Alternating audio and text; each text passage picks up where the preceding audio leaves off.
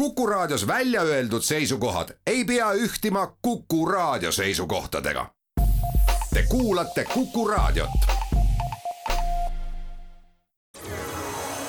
loodusajakiri, vaata ka looduseajakiri.ee.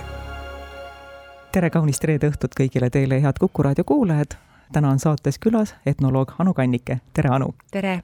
mina olen saatejuht Tiia Rööp Anu käis saates külas aprillis ja siis me rääkisime Ameerika toiduabist Eesti lastele.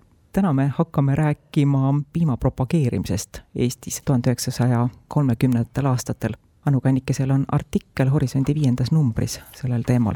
me võiksime rääkida taustast, miks peeti vajalikuks piimatooteid nii jõuliselt propageerida, sest veised on ju Eestimaal ikka kasvatatud ja piima on joodud jaa, tegelikult äh, siin tulebki vaadata nüüd äh, kolmekümnendatest aastatest paarkümmend aastat tagasi, juba üheksateistkümnenda sajandi lõppu, mil tegelikult kogu läänemaailmas piim kerkis esile kui esmaklassiline toiduaine mille tarbimine usuti, et aitab lahendada mitmeid sotsiaal- ja majandusprobleeme. ja veel üks taust oli siis teaduse areng ja see, et tänu pastöriseerimisele sai nii toota kui ka turustada puhast, hügieenilist, turvalist piima. Sest varem piima maine oli olnud äh, kahtlane just nimelt seetõttu, et sellise mitte kõige puhtama piima kaudu ka levisid haigused nüüd siis äh, esiteks see hügieeni aspekt, teiseks toitumisteadus oli jõudnud siis selleni, et äh, just piim on toiduaine, mille kaudu saab kõige lihtsamalt ja ka enamasti kõige odavamalt inimesele vajalikke valke. nii et ka see tervise aspekt ja seda siis mõistsid mitte üksnes arstid või toitumisteadlased, vaid ka siis riikide majanduse korraldajad, et siis ühtepidi oli ka piimatootjate huvi piima rohkem turustada, teisalt riikide huvi parandada rahva tervist ja heaolu ja e, juba siis kahekümnenda sajandi algul jõuti selleni, et terves reas lääneriikides, näiteks USA-s, Inglismaal, Saksamaal, loodi siis sellised riiklikud piima propageerimise asutused no Ameerikas siis näiteks Rahvuslik Piimandusnõukogu, Saksamaal riiklik piimakomitee ja ka siis kahekümnendatel aastatel ka näiteks Soomes siis piimapropaganda toimkond. Ja kuna siis ka Eesti majandus arenes, jällegi piima tootmine kasvas, piima kvaliteet tõusis ja ka samamoodi oli vajadus rahvast õpetada paremini ja teadlikumalt toituma siis pole ka imekspandav, et ka meilgi hakati siis piima palju rohkemat joomist ja toiduks tarvitamist soovitama.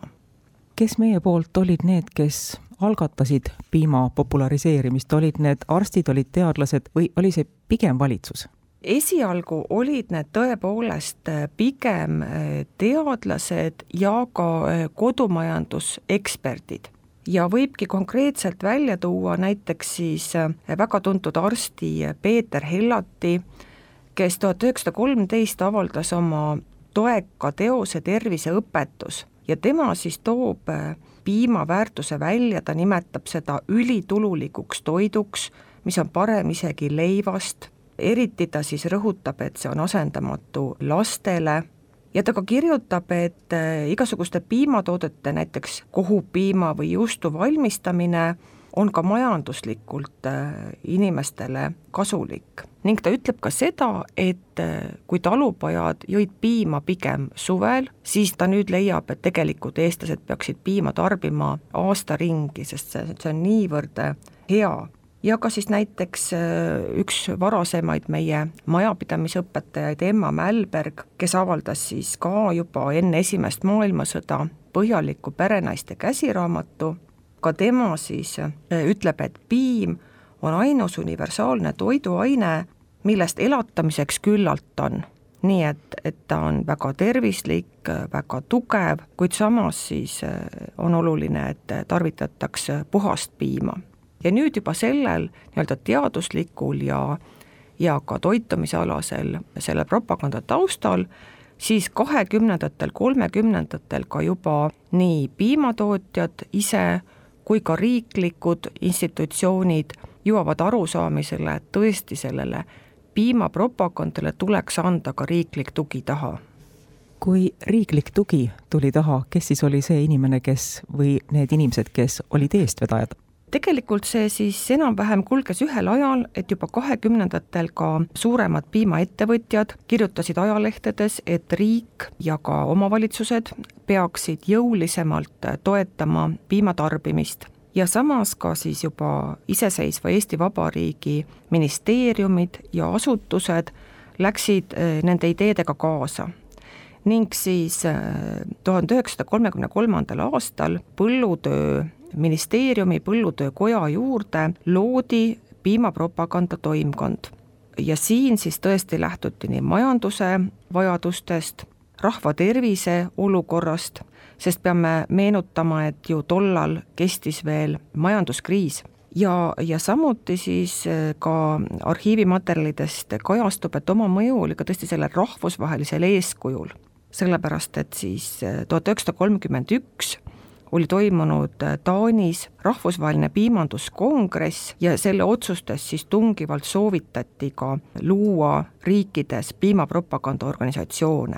kuid äh, jällegi algusest peale ka tõesti arstide roll oli suur, sest veel enne selle ametliku toimkonna loomist juba ka kolmekümnendate aastate algul oli aktiivse piimapropagandaga hakanud tegelema Eesti Tervishoiumuuseum tutvustades siis äh, näituste ja, ja loengute kaudu piima, eriti just puhta piima olulisust. horisondis saab lugeda, et Tervishoiu Muuseumi direktor, arst Voldemar Sumberg oli üks, kes väga tugevalt äh, tegi piimapropagandat. kas mõni Sumbergi lause võiks olla selline ka, et seda me võiksime tänasel päeval poes piimapaki pealt lugeda ja ta oleks täiesti kohane. minu meelest küll, tõesti, Sumbergi roll oli väga suur, ühtepidi ta oli kõrgelt haritud ja teadlik äh, arst, teistpidi ta oli hiilgav äh, kommunikaator, võib öelda isegi propagandist, tõesti, ta nimetas, äh, rääkides piimast, ta ütles, et see on valge veri, ühesõnaga sama oluline, kui meil on veri, ta on elav toit, ta on elav ihumahl ja ta on tõesti parima elujõu allikas. Ja temaga siis ähm, kampaania jaoks äh, ise kirjutas ja koostas selliseid hüüdlauseid, et näiteks siis äh, kolmekümne viienda aasta piimanädalaks ta siis äh, kirjutas seitseteist hüüdlauset. Ja ega ühtegi neist ka tänapäeval ei saa me kuidagi päris valeks pidada, kuigi tänapäeval vahel kaldutakse ka piima lausa demoniseerima ja, ja, ja mürgiks nimetama, aga ta ütleb, ütleb tõesti õigustatult, et et piim on oluline laste arenguks, piim, eks ole, oma valgusisaldusega aitab parandada sportlikke sooritusi, noh, võib-olla natuke kahtlasem on tema arvamus, et piimal on ka noorendav mõju või eluiga pikendav mõju aga seda ta ka sugugi mitte ise ei mõelnud välja, vaid ta tugineski noh, oma aja teadusuuringutele ja nendele seisukohtadele. nii et, et kindlasti ta mängis äh, vägagi positiivset rolli. ja võib-olla üks lause veel on tore, mida ta äh, siis just koolinoortele kirjutas, tooge piim kooli ja rääkige temast kui sõbrast. piim on tõeline sõber, kelle valge kuue all peituvad suured väärtused inimese tervisele. et jällegi ma arvan, et ei, ei teeks sugugi paha vahel seda ka meie eh, noortele meenutada, kellest paljud on ju taimetoitlased ja kes ka piima isegi juba natukene kardavad. horisondis sain ma teada sedagi, et piima joomise populariseerimiseks olid piimapaarid. mida seal pakuti? lihtsalt piima ei, äh, mitte ainult piima, piimapaarid olid jällegi niisugune üks äh, propagandavahend, mis oli hästi populaarsust võitnud äh, näiteks Saksamaal, aga ka Soomes ja Lätis. Ja just siis piimapropaganda toimkonna liikmed käisid siis Soomes nende piimapaaridega tutvumas. Ja juba ka meil siis kolmekümnendate aastate keskpaiku, kõigepealt siis piimapaare avati põllumajandus- ja, ja terviseteemalistel näitustel, kus siis piimatootjad pakkusid lausa tasuta oma toodangut, seal oli nii tavaline piim, seal oli keefir, seal olid lastele erinevad magusad maitsestatud piimad, näiteks šokolaadipiim ja kolmekümnendate lõpul juba eh, nii mõnedki ka äriettevõtted, restoranid avasid selliseid kommertslikke piimapaare. Ja eh, näiteks siis Pärnu eh, Rannasalongi kohviku juures või ka siis Tartus hästi peene ja menuka kohviku Ateen juures olid piimapaarid. Ja üks põhjus, eriti Pärnu puhul, oli see, et Ähm, nendega püüti meelitada ka siis välisturiste, teades, et, et nii Soomes kui Rootsis on, on piima ja piimajookide joomine rohkem juurdunud, et siis ka, ka seda peeti niisuguseks võib-olla rahvusliku sellise maine seisukohalt oluliseks, et ka meil on niisugused trendikad piimapaarid, aga jah, just nimelt, et et see oli ju ka omamoodi, omamoodi mood et see ei olnud ka midagi niisugust, mida nüüd jõuga või, või sunniga äh, rahvale peale suruti, et, et tõesti ju, ju hea meelega neid äh, tervislikke jooke ka joodi. Ja veel üks aspekt äh, oli ju see, et meil ju juba ärkamisajast peale oli laia levikuga karskusliikumine ja, ja üks siis piima kasuks kõnelev argument oli ka see, et usuti, et kui inimesed tarbivad rohkem piimajooke, siis seda vähem on neil kiusatus äh, napsitada. kas me saame praegu ka hinnata, kas sellest propagandast oli abi, hakati rohkem piima jooma, hakati rohkem piimatooteid tarbima? meil ei ole nüüd täiesti äh, täpset statistikat ja võib ka öelda seda, et, et lõpuks see piimapropaganda, aktiivne piimapropaganda jõudis ju kesta äh, võib-olla viis-kuus aastat, eks ole, enne, enne neljakümnenda aasta pööret. üks, mis, mille kohta meil on andmeid, on see, et järjest rohkemates Eesti koolides said lapsed ka, ka koolitundide ajal juua piima, mõnel pool äh, kehvemad lapsed said ka tasuta piima ja ka siis äh, kooli toiduvalik paranes et sinna ka siis äh, tuli rohkem nii, nii rõõskapiima kui ka siis äh, keefiri, et varem siis koolides põhiliselt äh, joodi vahetundidel teed, magusat teed, et selles suunas siis nagu, nagu on, võib lugeda näiteks siis kolmekümne üheksanda või neljakümnenda aasta õpetajate lehest, et, et tõesti päris paljudes koolides need edusammud olid märgatavad ja, ja üldiselt äh, mis ju ka kaasa aitas, et ikkagi see rahva elujärje äh, paranemine just kolmekümnendate aastate teisel poolel, et, et ka selline tarbimine lihtsalt sellepärast, et proovida uusi asju. et noh, näiteks ei olnud ju otseselt, äh, otseselt vajadust osta keefiri või ka näiteks jäätist, aga just siis kolmekümnendate lõpul ka noh, jäätis on ju samamoodi hea piimatoode et just see jäätise tarbimises on, on näha hästi suur tõus, mille taga on ka see, et siis jäätisetööstused hakkasid pakkuma ka pulgajäätist, ka randades jäätist, ka tänavatel jäätist. ütleme niimoodi, et, et ühendati meeldiv kasulikuga. miks seoti piimapropaganda rahvuskuvandiga? miks võrreldi meid eesrindlike riikide piima tarbimisega ja öelda, et kui meie hakkame ka samamoodi piima tarbima, siis tõuseme ka eesrindlike riikide hulka?